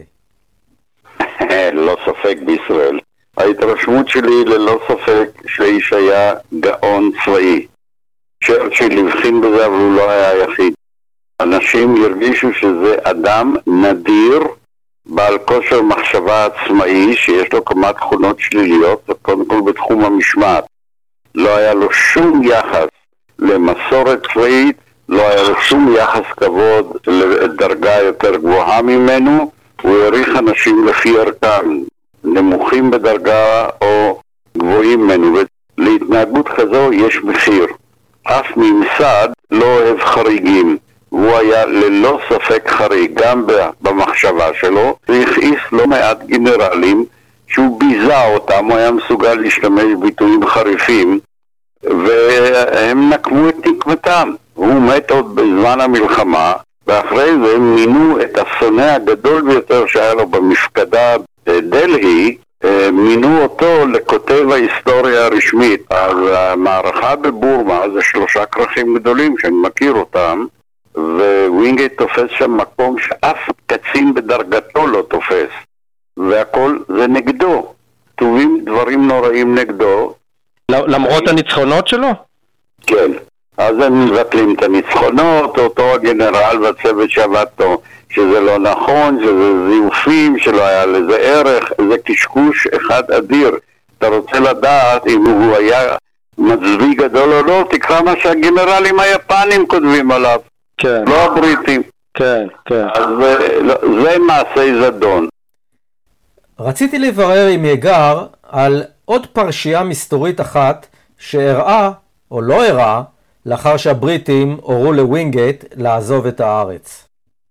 היה סיפור שגם אתה מזכיר אותו, שלקראת uh, עזיבתו המאולצת את הארץ במאי 39, uh, וינגייט האיץ בראשי ההגנה לצאת במאבק מזוין נגד הבריטים, והוא אף הציע להתחיל בפיצוץ בתי הזיקוק בחיפה, ושהוא יוביל את הפעולה. זה, זה, זה נכון? זה לא פחות ממדהים. תראה, אין... חקרו משהו סלוצקי, שהיה אחר כך העורך של ספר ההגנה, רצה לדעת מה האמת בסיפור הזה. הוא חקר, אז כולם עוד היו בחיים. כן. הוא חקר כל אחד שהיה בארוחת הערב הזו לכבוד וינגייט שהייתה בבית של ילן בחיפה, כן. אה, ושאל אותו אם ווינגייט אמר דברים כאלה. הרוב הכחישו, אומרים לו דובים ולא יער. ילן, שהוא איש הגון היה, הכחיש בחצי פה. קראתי את העדות שלו, היא נמצאת בארכיון ההגנה בתל אביב. אה, זה מעורר אצלי את החשד שמשהו ברוח הזו ווינגייט כן אמר. והנאמנות שלו לבריטניה הייתה ללא פגם, אבל כשהיה קונפליקט בין הנאמנות שלו לציונות לבין הנאמנות שלו לבריטניה, אני לא עד הסוף בטוח שהוא לא היה נאמן יותר לציונות. התמיכה בציונות היה צו אלוהי. כן. התמיכה בבריטניה זה כי הוא נולד בריטי ולא עלה על דעתו לא. לאחותו הוא כתב באחד המכתבים שלו, שאלה אותו גם כן, למי אתה יותר נאמן? אז הוא אומר, אני לא יכול להעלות על דעתי שאני פעם אכוון את הרובה שלי נגד הדגל הבריטי. כן. אז יש לך עדויות סותרות בעניין הזה. אין עדות חדה שהוא אמר דבר כזה, ושהציע להוביל פעולת חבלה נגד בתי הזיקוק ולעמוד בראשה. הוא אמר שהוא יודע מה המחיר ושהוא יצטרך להישאר במחתרת. האם זו אגדה שכתבו עליו אחר כך? האם זה ניפוח של משהו שהוא בערך אמר? זה יישאר מסתורין. הסתלקותו מהארץ הייתה בחטף. במאי 1939, כאשר פסה סבלנותם של מפקדיו בצבא הבריטי מול התנהלותו החתרנית, אולץ ווינגייט לעזוב את הארץ, ועל דרכונו הוכתם איסור לשוב אליה. חודשים ספורים אחר כך פרצה מלחמת העולם השנייה, ווינגייט נשלח להציל את המצב בחזית המזרח הרחוק. למרות הצלחותיו מול היפנים, ניסה הצבא הבריטי לאחר מותו לגמד את דמותו ואת פועלו. הוא לא היה מקובל על הממסד הצבאי ובתי הספר לפיקוד ומטה בבריטניה, והם הוציאו אותו אחרי המלחמה מתוכנית הלימודים. מתנגדיו טענו שיש לו השפעה שלילית, והצבא אינו רוצה יותר ווינגייטים. היה זה גם חלק מההתנגדות המוסדית לרעיון הצבאות הפרטיים, או הכנופיות הממשלתיות, כפי שכינה ווינגייט את היחידות ללוחמה זעירה שהקים. תם העידן הצבאי הרומנטי, שהתממש בימיו הקצרים של ווינגייט בארץ ישראל, בתמהיל יוצא דופן של גאונות צבאית, מקוריות וחדשנות, תחושות ייעוד תנכיות, חתרנות ונון קונפורמיזם בוטה, וגם כמה מוזרויות אישיות שהביוגרפים שלו ימצאו מן הסתם גם במחקרים הבאים. גם נסיבות מותו של ווינגייט לוו שובל דקיק של מסתורין. שאלתי על כך את יגאר. אה, אני נתקלתי בתופעה מעניינת שוותיקים, כולל אבא שלי, אני זוכר בילדותי, שהעלה אפשרות שמותו של וינגייט בתאונת מטוס נגרמה כתוצאה ממעשה חבלה בריטי מכוון להיפטר ממנו. אתה נתקלת בגרסה הזאת? כן, זה מופיע בכל מיני מקומות, כנראה זה לא נכון. יש עדויות שכאשר הוא, אתה יודע שהוא טס כל הזמן במסע השני שלו, מסע הצ'ינדיטים, אה, מעבר. אה, לקווי היפנים, אה, בדקו את העניין. יודעים היום שהוא טס במטוס מיטשל, זה נקרא, לבקר את הכוחות שלו מאחורי הקווים. באותו יום, בטיסה שהוא טס, הוא היה צריך לחזור בערב, לטוס חזרה כדי להיפגש עם איזה גנרל, הייתה לו ישיבה, לתאם כל מיני דברים. הטייס האמריקני שלו פחד להגיד לו שהמנוע לא עובד טוב. כן. הוא מציע להזמין באלחוט מטוס אחר ולחכות איזה שעתיים עד שזה יגיע. כן. הוא פחד להגיד לווינגייט. השליש אמר את זה לווינגייט, ווינגייט אמר, אני אתן לי זמן לחכות שעתיים למטוס אחר. הם טסו ובאמת זה נפל. כמו שלומי שטרית, גם משה יגר מאמין שאם הדברים היו מתגלגלים אחרת ווינגייט היה שורד את מלחמת העולם השנייה, הוא היה מגיע לארץ והופך מפקד הצבא היהודי. כן, אני נוטה להאמין שכן ואגיד לך למה. נשארו המכתבים שהוא כתב לאשתו מהחזית, והוא כותב ללורנה, במכתב האחרון שהוא כותב לה, היא מחכה שהמלחמה תיגמר ושנינו נחזור לארץ שאנחנו אוהבים ושאנחנו רוצים להקדיש לה את חיינו ובאנגלית הוא מוסיף משפט אחד בעברית. אם אשכחך ירושלים אם אשכחך ירושלים תשכח ימיני. כמה פעמים בן גוריון ביומניו במלחמת העצמאות כותב, בייחוד בשעות הקשות של מפלות וכן הלאה, כותב מה היה ווינגייט עושה במצב כזה? ובמקום אחד הוא כותב בפירוש שאת ווינגייט הוא היה ממנה ל... לרמטכ"ל אם הוא היה בא. יש עדות נגדית של משה דיין באחד הספרים שלו, אני לא זוכר איזה שהוא... כן, לא פסיכולוגיות. כן, לא היה קורה, אנחנו לא היינו מקבלים לא יהודי. זה שטות, הוא היה יותר יהודים מהרבה יהודים. ועובדה שהמחל פעל אז, הביאו מקנדה איזה בן דונקלמן אחד, ומינו אותו מפקד חטיבה, ובן גוריון הביא מאמריקה את uh, מרקוס. כן. כלומר, לא הייתה רתיעה מלהביא... בן גוריון הביא אנשים, כי הוא יודע שלצה"ל, שרק נולד, אין גנרלים, אין אנשי צבא מקצועיים. כן. הוא גם בגלל זה, מילא הסיבות הפוליטיות, הוא גם לא כל כך העריך את הפלמ"ח, הוא אמר, אלה לא יודעים להילחם, הם לא אשמים. אני חושב, כן. יש לי תחושה אה, שווינגייט היה ממלא תפקיד מרכזי, אם לא הרמטכ"ל. כן.